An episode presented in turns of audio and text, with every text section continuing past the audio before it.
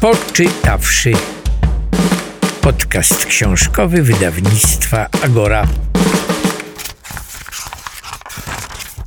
Dzień dobry. Przy mikrofonie Karolina Oponowicz.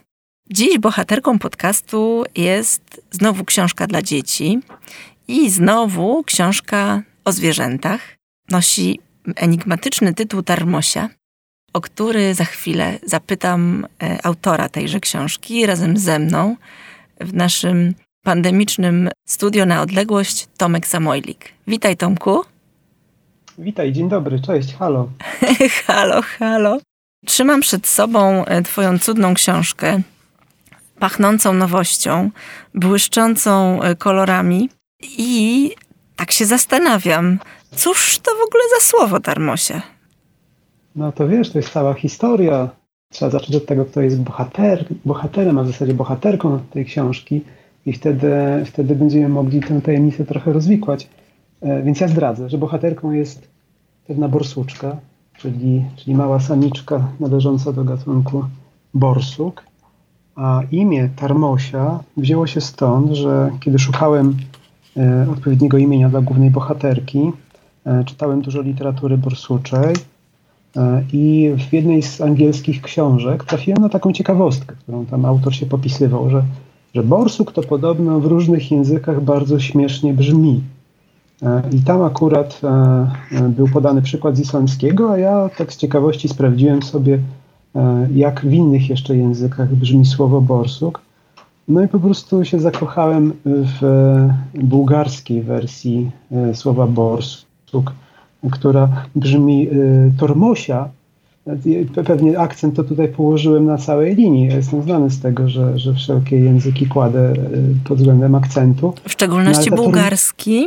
Mhm. Tak, przepraszam wszystkich bułgarskich e, słuchaczy podcastu, no, no, ale ta tormosia jakoś tak za mną chodziła, taka była urzekająca. E, I, I to w pierwszej wersji była właśnie tormosia, ale potem to już z tobą, Karolino, zobaczyliśmy, że w tej książce E, zaraz na początku ta nasza bohaterka kogoś tarmosi. I te dwa wyrazy obok siebie zestawione po prostu dały nam w efekcie to finalne imię Tarmosia i tak już zostało. I tak już jest na okładce. I tak jest wspaniale na okładce. Tarmosia to jest y, czwarta już, nie, piąta już książka w agorowej serii y, Zwierzaki. Y, był pies, był wilk, był bocian, był dzik, no i teraz y, mamy całą borsuczą rodzinę. A ty już napisałeś w tej serii jedną książkę. Napisałeś y, też y, o takim nieco enigmatycznym tytule książkę Ambaras.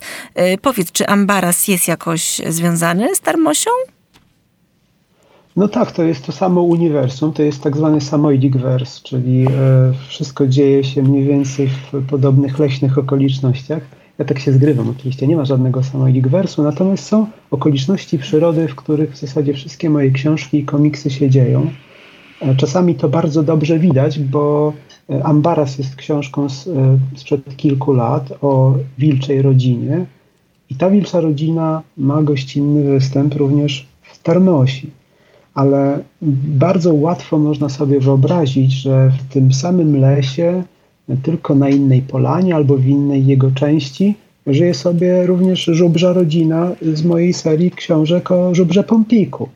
E, a jeżeli jeszcze tak troszeczkę sobie tam ruszymy e, głową i uruchomimy wyobraźnię, no to w ogóle bez trudu e, umiejscowimy w tym samym lesie fragment, który się nazywa Umarły Las i tam mogą mieszkać wszyscy bohaterowie serii, którą zrobiliśmy z Adamem Wajrakiem, i również może w tym lesie się znajdować Dolina Ryjówek, gdzie mieszkają bohaterowie sagi o Ryjówce, innej sagi komiksowej. A czy ten twój samojlik wers to ma związek z Puszczą Białowieską? Bo tak coś mi się wydaje, że może mieć. Tak, ja, wiesz, to jest tak, że ja nie nazywam miejsca akcji, bo wydaje mi się, że nie ma czasami potrzeby określać, że to jest konkretnie Puszcza Białowieska bo moim zdaniem, jak się poczyta, to, to, to jest dosyć oczywiste, że to musi być albo Puszcza Białowieska, albo podobnie naturalny, dziewiczy, pierwotny las. Przede wszystkim takie miejsce, gdzie człowieka wcale nie potrzeba, gdzie, gdzie zwierzęta doskonale sobie radzą i przyroda sobie radzi, a jeśli człowiek jest, no to niestety zwykle jako taki negatywny bohater, czy, czy wręcz obiekt strachu. No właśnie, bo tak jak w Ambarasie to wilki bały się człowieka, co zresztą mnie od początku w tej książce urzekło. Tak tutaj w Tarmosi znowu człowiek trochę komplikuje, nawet bardzo komplikuje życie zwierząt i w zasadzie to od tego, co tam człowiek nawywijał, e, zaczyna się e, cała historia. No tak, bo wiesz co, ja nie lubię takich opowieści, które na siłę pokazują człowieka jako dobroczyńcę wszystkich zwierząt, który ratuje biedne zwierzątka. Nie mówię, że tak nie jest. Jest bardzo wiele osób, które faktycznie pomagają zwierzętom i je ratują, ale my jako, jako ludzkość ogólnie to no raczej y, no nie mamy czystego sumienia i do, najlepszego konta, jeśli chodzi o wpływ na świat przyrody. Y, dlatego właśnie mm, od początku staram się tak kształtować te moje fabuły, książki i komiksy, żeby tam człowieka albo w ogóle nie było, albo, albo żebyśmy raczej się poczuli trochę głupio, czytając o przygodach zwierząt, które najbardziej na świecie boją się właśnie nas. I, I, e, w ogóle mi się podoba taka przewrotność. Zrobiłem nawet komiks e, o tym, jak to by było, gdyby wilki miały swoją wersję czerwonego kapturka, e, którego szczerze nienawidzę, tej, tej baśni, nie osoby, bo uważam, że mało, która, mało który utwór literacki zrobił tyle złego dla budowania negatywnego obrazu jakiegoś konkretnego gatunku. A wiesz o czym mówisz? Bo oprócz tego, że jesteś pisarzem, ilustratorem, e, a może przede wszystkim jesteś też naukowcem i zajmujesz się tutaj, mm, po tym co powiedziałeś, myślę, nie będzie to zaskoczeniem dla naszych słuchaczy, zajmujesz się historią przyrodniczą Puszczy Białowieskiej, historią obecności człowieka w Puszczy Białowieskiej. To prawda? Co, tak, i pierwsza, i pierwsza, i druga część tego, co powiedziałaś, jest prawdziwe, bo e, ta dyscyplina, którą się zajmuję, to jest faktycznie historia przyrodnicza, czyli takie interdyscyplinarne, jak to mówimy, a więc korzystające z dorobku różnych dyscyplin nauki. W moim przypadku jest to historia, archeologia, ale również metody badań botanicznych, biologicznych. Połączenie badań, które ma na celu e, odpowiedź na pytanie, jak przyroda, jak środowisko przyrodnicze zmieniało się w przeszłości ale siłą rzeczy, badając taki temat, nie da się uciec od wpływu człowieka na przyrodę. No bo nie oszukujmy się, od, od tysięcy lat to my jesteśmy tą główną, wiodącą siłą, która wpływa na przyrodę, a ostatnio to po prostu ją kształtuje w globalny sposób, czy na globalną skalę. I y, wiesz co, Dodatkowo jeszcze, poza tym, że to jest moja faktyczna praca, pierwsza praca, czyli praca naukowa w Instytucie Biologii Ssaków Polskiej Akademii Nauk w Białowieży, y, gdzie zrobiłem z tego tematu doktorat i habilitację i, i mam szczerą nadzieję jeszcze parę ładnych lat popracować, bo, bo to jest bardzo szeroki, bardzo ciekawy temat, ale wiem też o czym mówię, jeśli chodzi o tego czerwonego kapturka i jego wpływ na budowanie wizerunku danego gatunku, czyli wilka w tym wypadku, ponieważ e, teraz mam taki projekt badawczy, którym kieruję, który e, konkretnie skupia się na tym, jak w przeszłości przebiegał proces budowania wizerunku gatunku zwierzęcia. W moim grancie, w moim projekcie chodzi o żubra, ale mechanizmy, wydaje mi się, są dosyć uniwersalne, jeśli chodzi o najróżniejsze gatunki E, zwierząt, głównie takich dużych, widocznych, e, obecnych również w mediach ssaków. Ale wiesz, tak mówiłeś o tym, jak, jest postrzegane, jak są postrzegane duże ssaki. Ja sobie zdałam wtedy sprawę, że z borsukami jest tak, że nie ma jakichś specjalnych stereotypów dotyczących borsuków chyba. Znaczy one są takie, takie papuśne, takie sympatyczne. My też chyba mało o tych borsukach wiemy. Wiesz co, wydaje mi się, że one są nudne. Nie mówię o sobie oczywiście, raczej mówię o takim moim odczuciu czy podejrzeniu, że, że takie jest podejście większości osób, że borsuk nie jest ani jakiś niebezpieczny, ani też y, zbyt słodki, taki, żeby go sobie ustawiać na, na tapetę w Windowsie czy smartfonie. Y, I, I, że raczej uczucia związane z borsukami są takie y, średnie, takie letnie. Zauważ, że nie ma zbyt wielu dzieł popkultury, w których borsuk gra pierwsze skrzypce, jest jakimś tam super bohaterem, Masz mnóstwo dzieł o, o myszach, trochę o wilkach, jest sporo o owcach i innych gatunkach, ale ten borsuk od czasów, o czym szumią wierzby, no to tak stosunkowo rzadko się pojawia jako, jako ten główny bohater. No właśnie tak, to, to też zdałam sobie z tego sprawę, że też niewiele o nim wiemy. Nie pisali o nim e, wybitni poeci wierszy, nie mamy żadnej tam rymowanki, jak mamy rymowanki o dziku, który jest dziki i o panu, o panu żubrze. No, taki sympatyczny. No a powiedz, to, to co takiego w tym borsuku jest? Co takiego cię w nim ujęło, że, że postanowiłeś uczynić go bohaterem swojej książki dla dzieci? No, no widzisz, bo to, to jest właśnie cały problem, że taki gatunek, który się wydaje taki właśnie dosyć nudny i, i nikt nie podejrzewa, że może się tam w tym borsuku kryć jakieś drugie dno czy jakiekolwiek ciekawostki, to zwykle tak jest, że właśnie te gatunki bywają najciekawsze. Ja tak miałem poprzednio z ryjówkami, y, które też tak słabo znałem i raczej miałem taką potoczną zupełnie wiedzę. A kiedy dzięki, dzięki moim kolegom i koleżankom z Instytutu zacząłem zgłębiać temat, to po prostu otworzył się przede mną cały nowy świat. I, i dzięki temu mogła powstać cała saga o ryjówce. To trochę tak jest z borsukami też.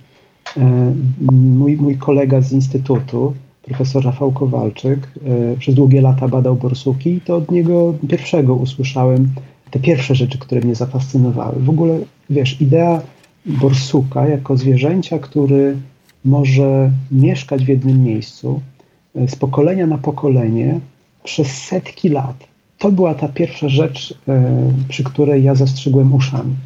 No bo tak oczywiście autorzy książek dla dzieci komiksów robią. Jak usłyszą jakiś temat, to natychmiast te uszy zaczynają chodzić. To jest oznaka, jakby Państwo się zastanawiali, że autor wpadł na jakiś pomysł. E, to po prostu tak pobudziło moją wyobraźnię i faktycznie potem w moich badaniach też wyszło, że mamy opisy Puszczy Białowieskiej z początku XIX wieku i tam jest napisane, że tak jest w puszczy taka stara nora, gdzie mieszkają borsuki, to w ogóle jeszcze inny kontekst miało, bo te borsuki podobno sprzątając tę swoją norę miały wyrzucać na powierzchnię e, kawałki garnków, w których jakoby miało się kryć jakieś legendarne złoto, co potem okazało się kompletną bzdurą. E, natomiast to miejsce, które było opisywane 200 lat temu, do dzisiaj jest użytkowane przez borsuki. W ogóle z innych krajów znamy e, nory borsucze, które i 300 i więcej lat bywają używane. I, I to był pierwszy sygnał, że oho, ten borsuk nie jest taki banalny, jakby mu się mogło wydawać. A potem doszła cała kaskada rzeczy. Dieta, zwyczaje rodzinne, sposób spędzania zimy, e, walki borsucze. Gdzie nie spojrzysz, tam się wylewają ciekawostki. Ja muszę powiedzieć, że redaktorzy nie mają tak, że im uszy chodzą, ale mają mm, takie ciarki na plecach. I ja, jak usłyszałam tę opowieść o noże, jak rozmawialiśmy pierwszy raz o tej książce, to też miałam takie ciarki na plecach. Pomyślałam sobie, wow, to jest niesamowite i to też pokazuje, jak my niewiele o tych borsukach wiemy, ale też jak my w ogóle spłaszczamy to, w jaki sposób widzimy zwierzęta, zupełnie nie, nie rozumiejąc, nie mając świadomości tego, jakie tam skomplikowane, także w jakimś sensie emocjonalne procesy zachodzą. No bo jak się w tej norze tyle pokoleń mieszka, no to przecież muszą być jakieś emocje w tym, zwierzęce emocje. No pewnie, że tak. Ja już w tej książce pozwoliłem sobie dosyć daleko pójść w tym wyobrażaniu sobie emocji i tego, jak zwierzęta traktują taką norę, którą pra, pra, pra, pra do dziesiątej potęgi dziad zaczął kopać. E, nie mamy rzecz jasna żadnych dowodów, że w ogóle czują jakikolwiek sentyment, ale z drugiej strony nie mamy też dowodów na to, że, że go nie ma. E, I ja myślę, że to nic nie szkodzi, jak sobie wyobrazimy, że, że borsuki jednak odczuwają pewną ciągłość tego miejsca, odczuwają pewną dumę z faktu, że, że co roku sprzątają, naprawiają, poszerzają, dobudowują coś do tej prastarej nory. E, I oczywiście nie jest tak, jak ja w jednym z moich komiksów e, pozwoliłem sobie wyobrazić, że na ścianach tej nory zapisują jakimś swoim mm, borsuczym alfabetem najważniejsze wydarzenia z życia Puszczy Białowieskiej. Taki komiks kiedyś zrobiłem, co się wydarzyło w Puszczy Białowieskiej. I ostatnim z wydarzeń, które borsuki zapisały, była inwazja wielkich maszyn na puszczę. I tak strasznie przeżywały, że aż musiały to zapisać y, borsuczym pazurem na ścianie nory. Więc oczywiście nie mamy naukowych dowodów, to, to, to jest mój wymysł, ale jest to tak urocze, że nie mogłem się powstrzymać. Tak sobie też myślę, mm, że ta twoja książka z jednej strony oczywiście jest y, przeuroczą, zabawną, wciągającą mm, opowieścią o borsuczej rodzinie, do tej borsuczej rodziny nagle wprowadzają się albo usiłują się wprowadzić inne zwierzęta. E, I to prowadzi do masy wydarzeń zabawnych i też e, mrożących krew w żyłach. Historia niesie, historia wciąga, czyta się ją z, z wielkim uśmiechem na twarzy. Ale jakby tak na to popatrzeć z drugiej strony, e, no to to też jest taka opowieść o lęku przed zmianą, o lęku przed obcymi, o lęku przed innością. Czy ty jak piszesz, jak zaczynasz, przystępujesz do pisania, to masz też w głowie taką tą drugą warstwę, powiedziałabym, dydaktyczno-filozoficzną, czy to tak wychodzi samo? Hmm, wiesz co, wolałbym nie używać nazwy dydaktyczna warstwa, bo to, to mi się jakoś tak źle kojarzy. I ja nigdy nie siadam do książki z takim zamierzeniem, że okej, okay, ta książka będzie mogła posłużyć na lekcjach takich i takich, ponieważ opowie to i to. Raczej to jest tak, że jak piszę taką książkę o zwierzakach albo jak rysuję komiks, y, to staram się traktować to, to co robię według złotej reguły Shreka, czyli, czyli budować to jak cebulkę, żeby to miało warstwy, żeby było zrozumiałe i interesujące dla siedmiolatka, dla siedemnastolatka i dla 77-latka. Chociaż akurat jeszcze żaden 77-letni czytelnik się do mnie nie odezwał, ale ufam, że i tacy mogą się dobrze bawić przy tych rzeczach.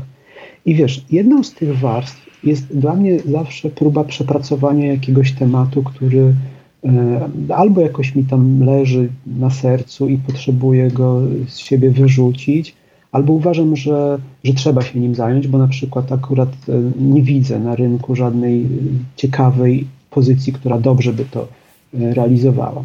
Czasami jak widzę, że już coś się ukazało, co po prostu świetnie ten temat e, rozłożyło na czynniki pierwsze, to nawet się e, za to nie biorę. Ale w przypadku Tarmosi było tak, że e, dużo myślałem sobie mm, o uchodźcach, generalnie, o sytuacji człowieka, który musi na gwałt opuszczać to miejsce, które uznaje za dom, które uznaje za bezpieczną przystań. I, i z jakiegoś powodu, czy czy wojny, jakiejś strasznej katastrofy, jakiejś e, biedy, kryzysu. Wszystko jedno. Historia przynosi całe mnóstwo przykładów e, tego typu sytuacji. To niekoniecznie zawsze musi być wojna, ale, ale jedno się powtarza. Ci ludzie muszą uciekać i szukać swojego miejsca gdzie indziej na świecie i są faktycznie w 100% zdani na dobrą wolę e, tych, którzy zechcą albo nie zechcą ich ugościć. I ja o tym myślałem w kontekście ludzkim, a potem te buwsuki po prostu spadły mi z nieba, bo okazało się, że ta prastara nora, która służy borsukom od pokoleń, bardzo często służy też za schronienie innym gatunkom. I, I, to jest jakby obserwowane naturalnie w przyrodzie, to, to nie jest e, super niezwykłe zjawisko, a jednocześnie daje pole właśnie do snucia takiej opowieści jak to w świecie zwierząt wygląda i, i y, czy dałoby się poprowadzić taką linię łączącą sytuację ludzi, którzy muszą uciekać i zwierząt, które muszą szukać sobie jakiegoś schronienia.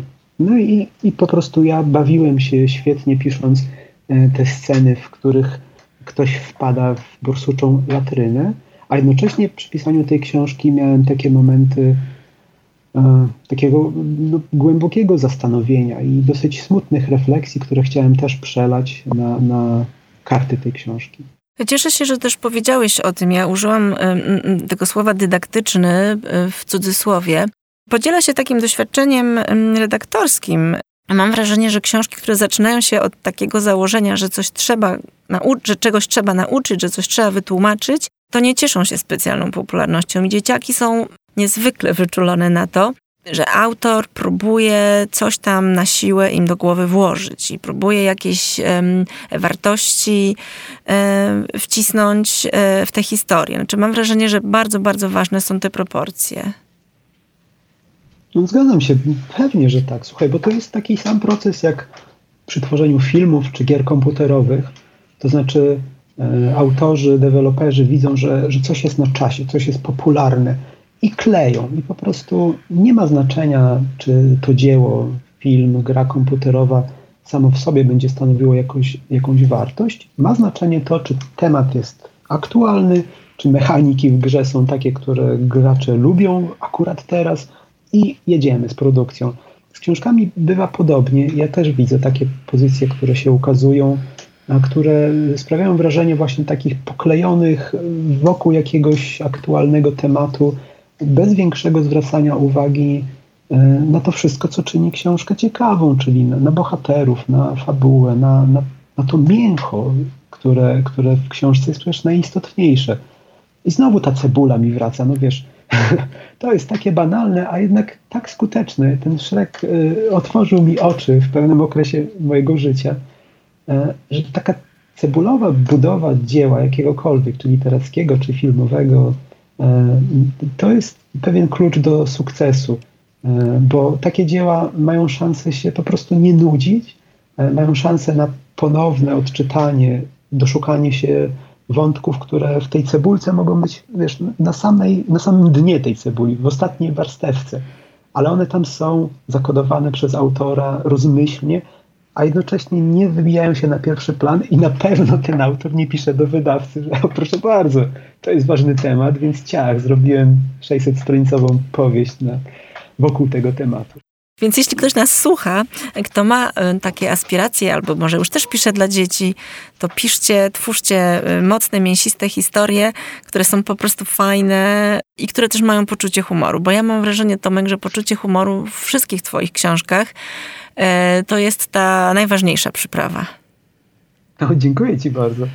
No, ja, ja z kolei, jak czytam innych autorów, to zawsze mam poczucie niższości, bo kurczę, potrafią ludzie zbudować te sceny komiczne tak, że ja się chichram, a czasami aż łezka pocieknie.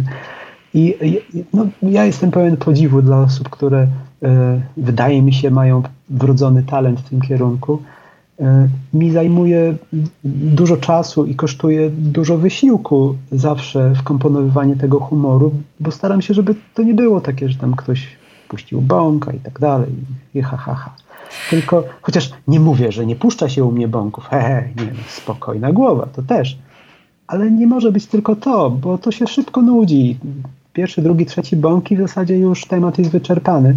Staram się ten humor y, wprowadzać tak subtelnie, żeby to, to nie była taka parodia, taki pastisz, bo żadna z moich książek i komiksów nie, nie jest takim klasycznym pastiszem czy parodią. Nawet ten komiks Wiedźmun, który Y, który zrobiłem i który teoretycznie parodiuje wątki z sagi y, pana Andrzeja Sapkowskiego, do końca parodią nie jest. Jest raczej takim hołdem dla, dla tej twórczości, którą uwielbiam.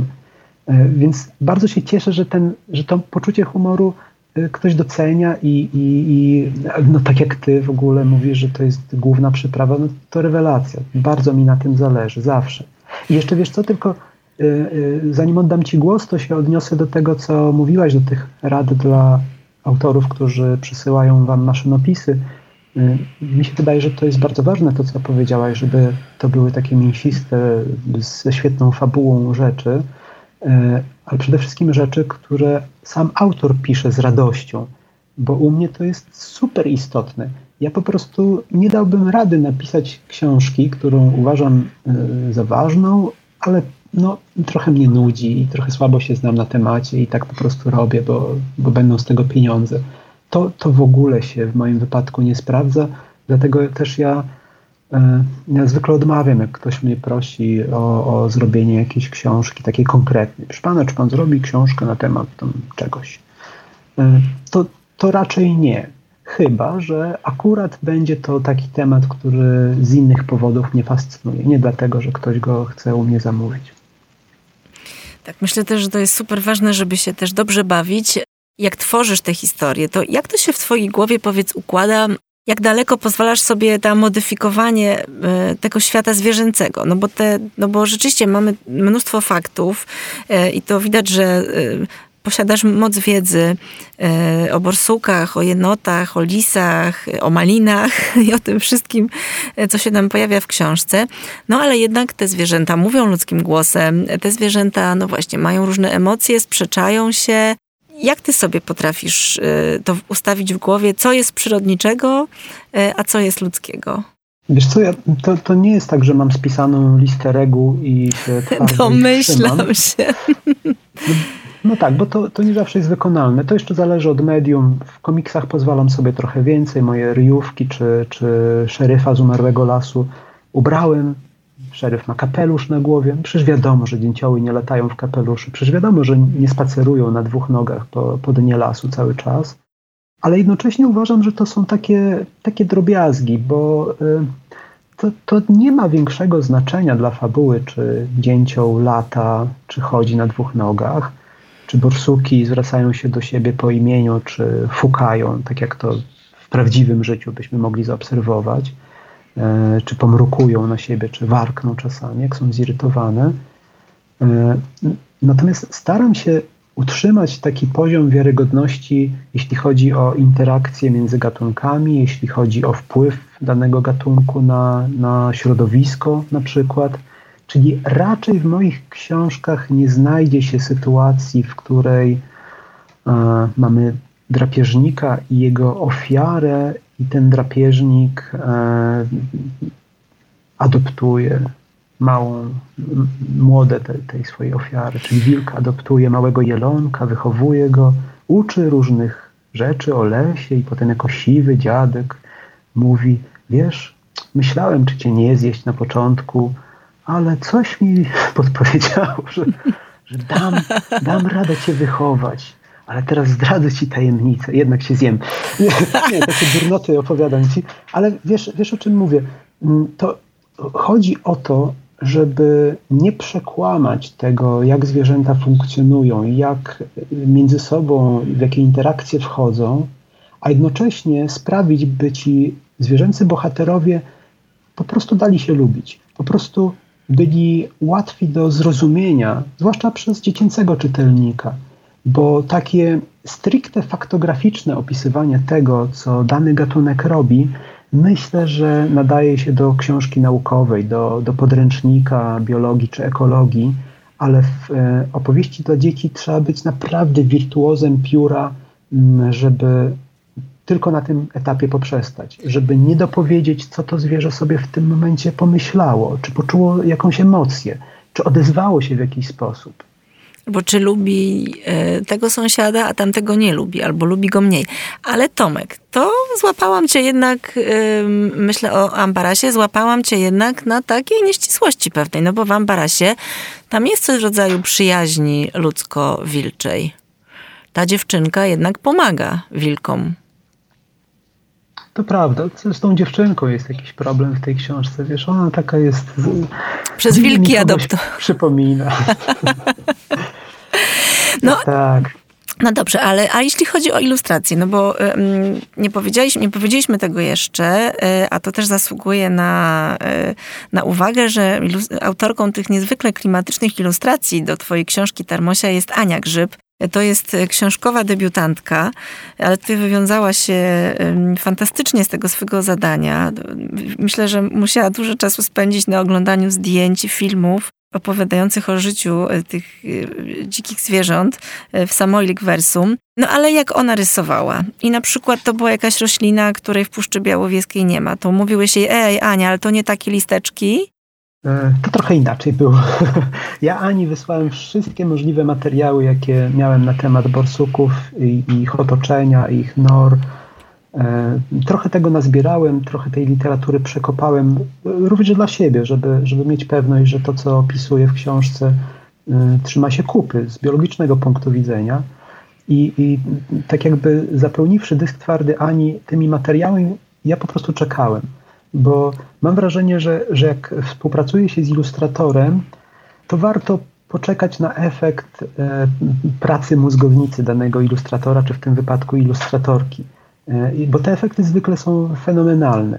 I e, absolutnie nie mam jej za złe, że dorysowała siwe brwi dziadkowi, Skjoldurowi, e, chociaż e, borsuki nie, ma, nie siwych brwi, ale po prostu jest to fenomenalny sposób odróżnienia tej postaci od reszty borsuków jak się dobrze przyjrzeć w ogóle borsukom w tej, w tej książce, e, to każdy wygląda inaczej.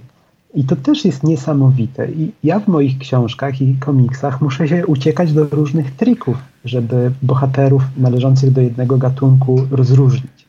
E, czasami ja ich ubieram po prostu w ubranka różnego koloru, czasami daję jakąś bliznę wyrazistą na policzku, e, a Ania, rysując bardzo realistycznie, ale jednocześnie tak baśniowo, potrafiła te, te borsucze buziuchny, no umówmy się, no i bursuki praktycznie się od siebie nie różnią. To są białe pyszczki z dwiema czarnymi e, plamami, czy dwoma pasami, taką maską i czarnym nohalem. No, no naprawdę trzeba osoby, która się specjalizuje w temacie, żeby e, osobniki odróżnić od siebie tylko po wyglądzie pyska. No a Ania po prostu dała radę na całej linii. Te wszystkie borsuki wyglądają po swojemu, wyglądają inaczej.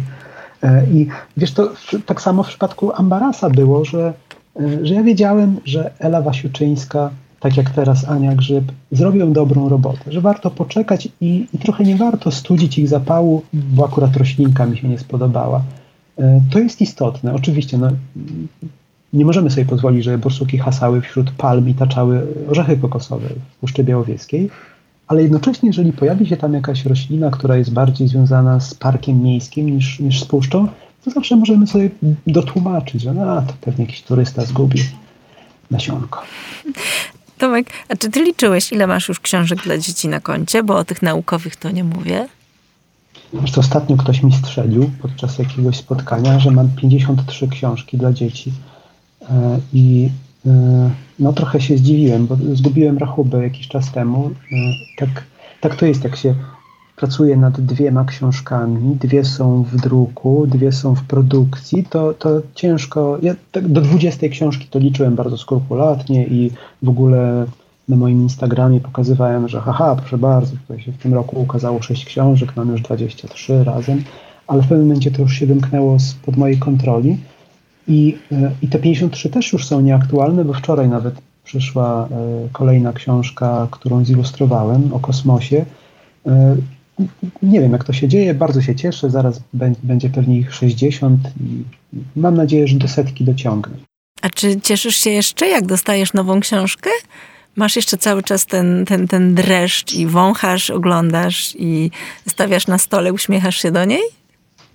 To powiem ci zupełnie szczerze, tak, ale nie mów nikomu, dobrze? Mam nadzieję, że nikt poza tobą tego, tego nie usłyszy, ale coraz częściej mam, e, jestem tak zmęczony, że kiedy książka do mnie dociera, kiedy ten kurier uśmiechnięty, zadowolony przynosi, tak jakby chciał powiedzieć, przyniosł, niech się pan cieszy, panie samojniku, to ja w zasadzie już czuję tylko, tylko takie, taką rezygnację trochę, nie wiem, trochę głupio brzmi, ale, ale tak jest, jak siedzisz miesiącami nad jakąś książką i naprawdę tam jest dużo potu, krwi i łez, E, I e, zwłaszcza w przypadku rzeczy, nad którymi panuję od samego początku do samego końca, na każdym etapie widzę, jak one wyglądają, to ciężko ten entuzjazm z siebie wykrzesać, poza takim uczuciem, że okej, okay, nie schrzaniłem tego, rzeczywiście te kolory wyszły tak, jak sobie wyobrażałem, w porządku. Czasami bywa tak, że, że schrzaniłem, to wtedy są jeszcze większe łzy. Ale do czego zmierzam? Kiedy Tarmosie przyniósł kurier w zasadzie to były takie duże pudła, bo się umówiliśmy, że 100 egzemplarzy e, podpiszę dla, dla szczęśliwych nabywców przedpremierowych. Kiedy kurier to przyniósł, kiedy otworzyłem paczkę, kiedy rozchyliłem ten papier i zobaczyłem tę okładkę i, i tytuł Tarmosia i buziuchnę głównej bohaterki, to naprawdę od dawna nie czułem takiej satysfakcji radości, że przyszło coś niesamowitego, takiego wyczekanego, E, I, I, naprawdę fajnego. No kurczę, nie jestem oczywiście obiektywny. Moje nazwisko jest na okładce, ale tym razem nie ja robiłem okładkę, nie ja robiłem ilustrację, nie ja odpowiadałem za skład całości, a wydaje mi się, że, że wszystko tutaj y, zagrało, przynajmniej z tego punktu widzenia graficznego, z punktu widzenia składu, dobioru, y, doboru fontu. No, tak mi się to podoba, że, że szok. Tomku, gratuluję e, tej wspaniałej tar tarmosi, e, twojego autorstwa z e, przepięknymi ilustracjami Ani Grzyb. Bardzo Ci dziękuję za tą rozmowę o borsukach, pracy naukowej i o zmęczeniu pisarza, ilustratora i komiksiarza. I do zobaczenia, do zobaczenia w, w Samoilik Versum, do zobaczenia gdzieś w okolic Nor Borsuków. Chodźmy i wypatrujmy i podsyłajmy Tomkowi kolejne pomysły. Bardzo proszę, pewnie, że tak. E, do zobaczenia w, w Puszczy Białowieskiej. Do zobaczenia. A jeśli jest wśród naszych słuchaczy jakiś 77-letni czytelnik Tomka Samojlika, to bardzo prosimy o sygnał. Będzie dla niego specjalna nagroda. Dzięki Tomku. Pozdrowienia prosto z warszawskiego studia e, ślemy do Puszczy Białowieskiej. Dzięki, papa. Dzięki, papa. Poczytawszy. Podcast książkowy wydawnictwa Agora.